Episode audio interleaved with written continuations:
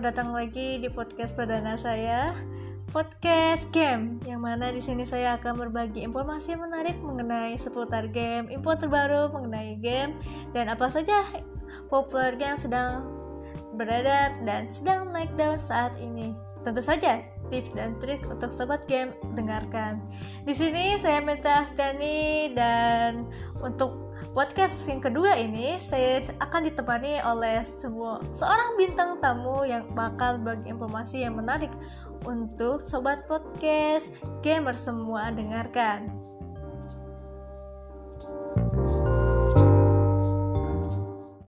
Untuk podcast yang kedua ini, aku ada kedatangan tamu nih. Dia adalah Mas Ali, dia tuh adalah salah satu seorang pemain Genshin Impact juga nih. Dia merupakan tamu spesial yang akan sedikit berbagi tips dengan sahabat game. Oke, Mas Ali bisa perkenalkan diri dan mungkin sedikit berbagi pengalaman gitu tentang game Genshin Impact.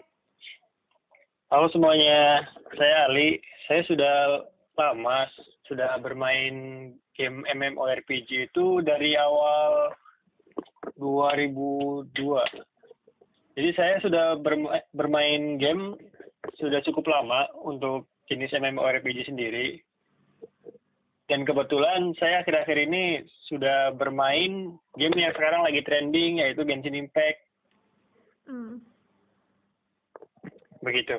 Terus uh, dari uh, permainan dari game Genshin Impact sendiri uh, ada nggak pengalaman yang bisa berbagi gitu uh, kayak apa sih yang Mas Aldi suka dari game game si Impact sendiri gitu? Sebenarnya Genshin Impact itu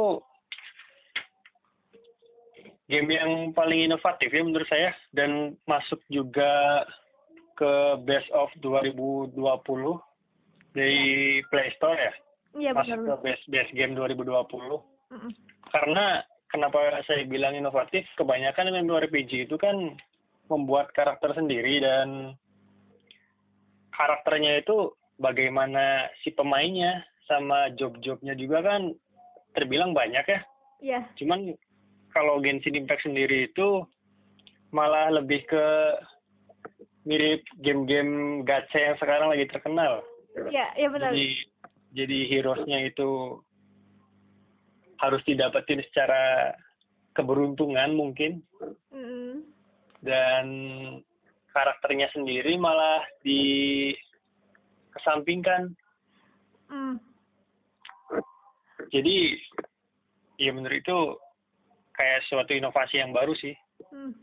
Dari game yang biasa dimainkan seperti game yang lain yang kalau tidak salah gamenya ini open world ya?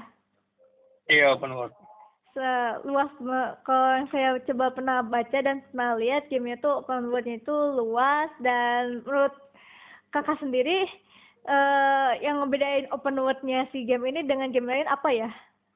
Oh iya, kalau open worldnya sendiri itu kalau Genshin kan ini ya maksudnya maksudnya nggak satu server sama player lain.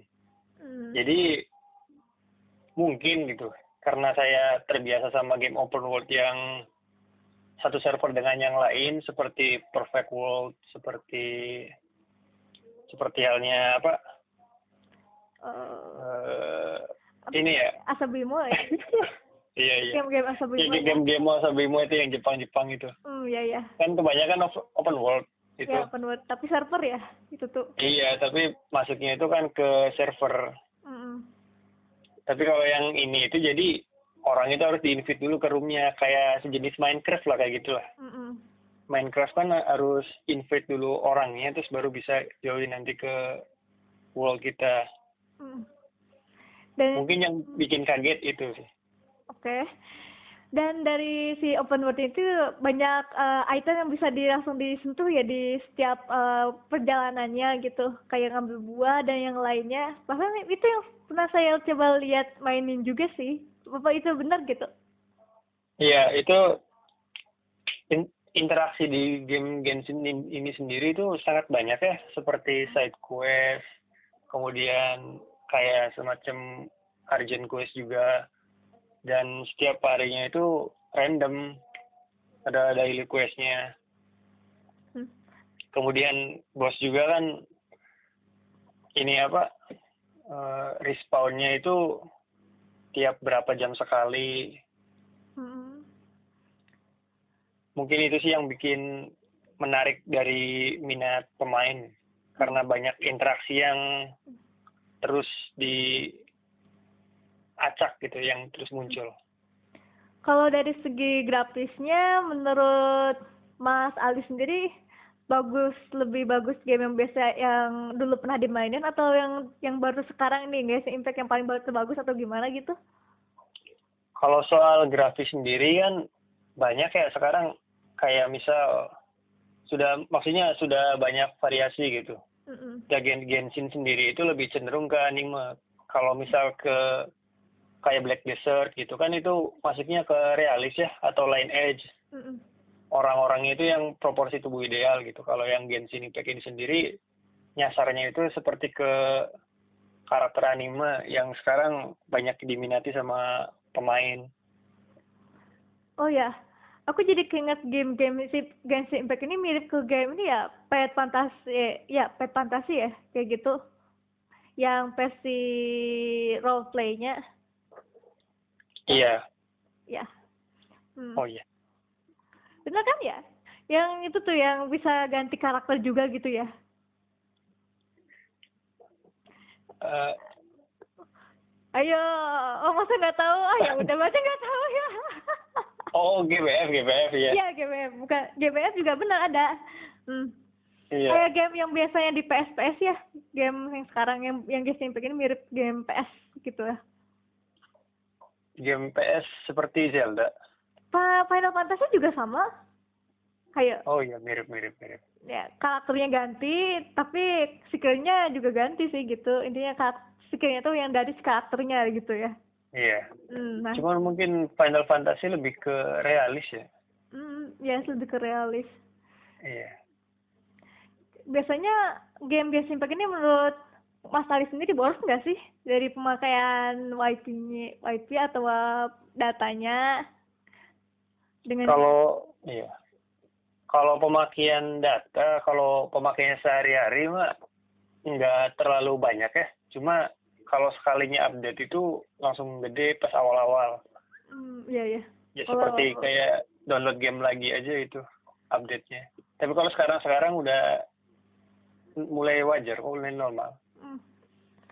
Paling berat ya ini kalau game Genshin Impact sendiri sendiri kalau dimainin di Android ya.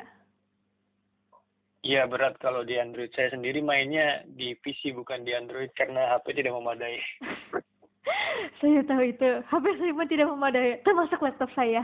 Hmm. Ada nggak dari uh, Mas Teh kan sudah cukup agak lama ya bermain dengan game Genshin Impact sendiri. Ada tips yang bisa dibagi gitu buat eh, teman-teman sahabat game gini?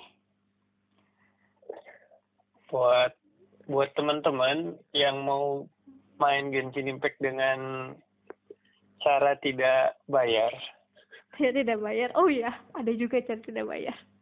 mungkin sepertinya kalian harus siap-siap reroll ya Hmm. jadi masuk kemudian pas awal kan tutorial paling sekitar 15 menit Mm-mm. kalian gacha kalau nggak dapet yang bagus kalian bikin akun lagi yang baru soalnya gacha di Genshin Impact itu sangat yang paling worst dibanding game-game lain bahkan game gacha pun Eh, itu se- se- seperti ada milik ya. Kalau akunnya bagus dapetnya karakter, kalau enggak enggak dapat gitu ya. iya itu kalau mau yang dapetnya bagus mah berbayar sih sebenarnya Hmm. Kalau biasa kan dari kalau yang berbayar juga kan ada dapat kayak ini pakainya apa ya untuk ngegacanya itu kristal atau apa? ya sepertinya kristal Apa kuisnya mencobanya apa setiap kuis yang juga mengha- menghadi- menghadiahkan kristal? oh iya untuk untuk gacanya sendiri tuh banyak sebenarnya Hmm. ada ada dua inheritage sama itu primogem Primogem. iya Yang yang heritage yang seperti apa? itu sa, sa hmm, karakter main ya main karakter lebih ke karakter yang udah pernah di awal atau gimana Iya, itu se- sebenarnya sama aja sih kalau buat gacha. Kan ada ada ada dua jenis yang khusus buat karakternya aja sama yang apa weapon sama karakter sama weapon. Mm-mm. Jadi itu ada dua jenis. Saya lupa Oh, in heritage apanya itu yang warna ungu sama yang warna biru. mm. Tapi kalau untuk dua-duanya bisa pakai primogem nanti di beli dulu di shop. Mm. Primogemnya di ini di apa di trade ke itu Mm. yang buat gacha seperti itu. Nah, untuk sel- selain dari game gacha kan dari itu bukan game gacha lebih ke meng- mencoba mengambil mendapatkan karakter dari gacha ya. Menurut Mas Ali, kita kalau untuk pemain baru yang mau gacha menggacanya itu harus satu-satu atau menunggu kayak per packing buat eh, gacha pool gitu. Oh itu banyak banyak Eh, banget yang itu yang heeh. Enaknya harus satu-satu atau langsung sepuluh-sepuluh gitu? Yang banyak banget yang ini yang mendebatkan soal itu soalnya. Jadi apakah mending gacha yang sekali yang 10 kali atau yang satu kali satu kali gitu ya? Iya, seperti itu. Kalau menurut pendapat saya pribadi, game gacha itu kan apa sih namanya itu? Ada jadi kayak semacam apa ya? Random ini gitu, apa ya? Chance oh, kesempat bukan sih kayak Jadi kayak iya, jadi kayak reroll gitu. Jadi kalau misalnya yang buka open 10 kali kan guaranteed satu bintang 4 ya. Hmm. Cuman kalau kita pakai yang sekali-sekali itu ketika kita udah mendapatkan bintang 4 kita bisa tahan dulu.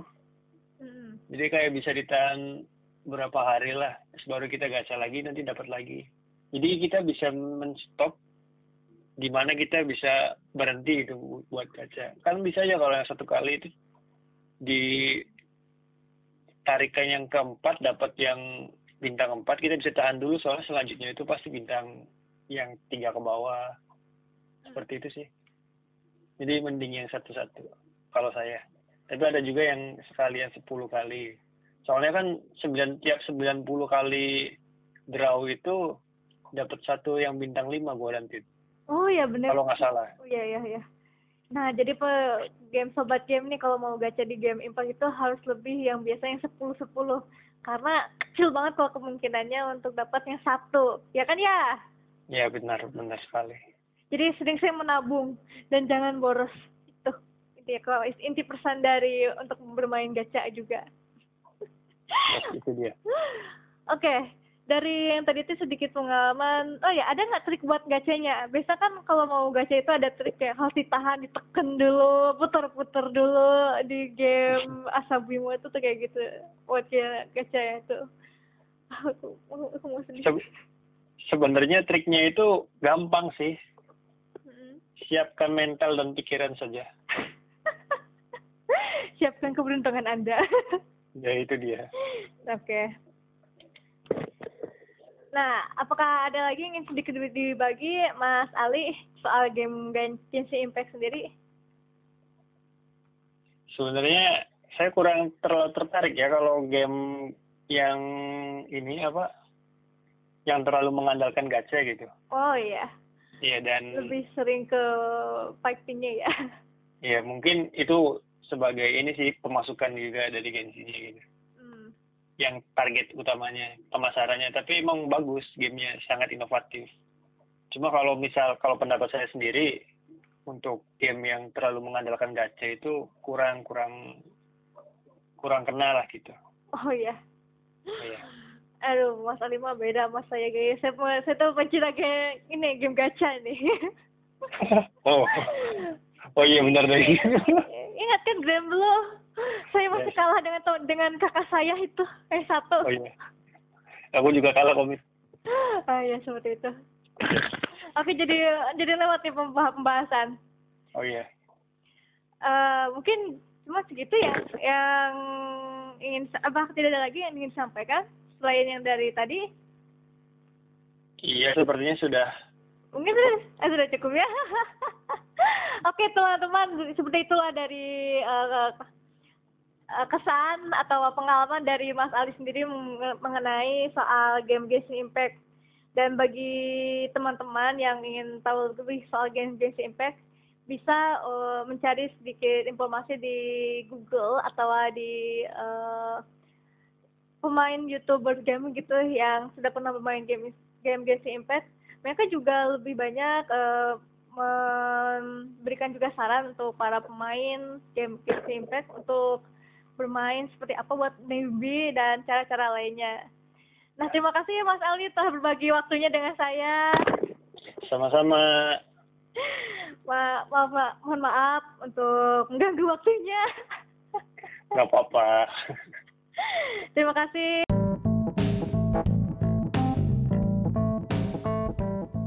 Nah, cukup sekian tadi informasi dari Mas Ali soal Genshin Impact tentang peng pengalamannya bermain. Untuk podcast yang kedua saya. Nah, sobat game semua, untuk informasi yang lebih lain atau yang lebih menarik lagi selanjutnya soal game, mungkin akan nanti akan dikabarkan lagi informasi yang bagus hmm mungkin saya harus menagih janji ya untuk soal game horror karena berhubung game sekarang yang podcast sekarang ini masih soal game Genshin Impact tunggu saja sobat lovers semua atau sobat gamer semua tentang game yang terbagus ya untuk sobat gamer mainkan tentunya nanti akan dipenuhi dengan bumbu misteri. Oke sobat lover, sobat gamer semuanya, cukup di sini saya Mita Asyani pamit undur diri di podcast kedua saya di podcast gamers. Assalamualaikum warahmatullahi wabarakatuh.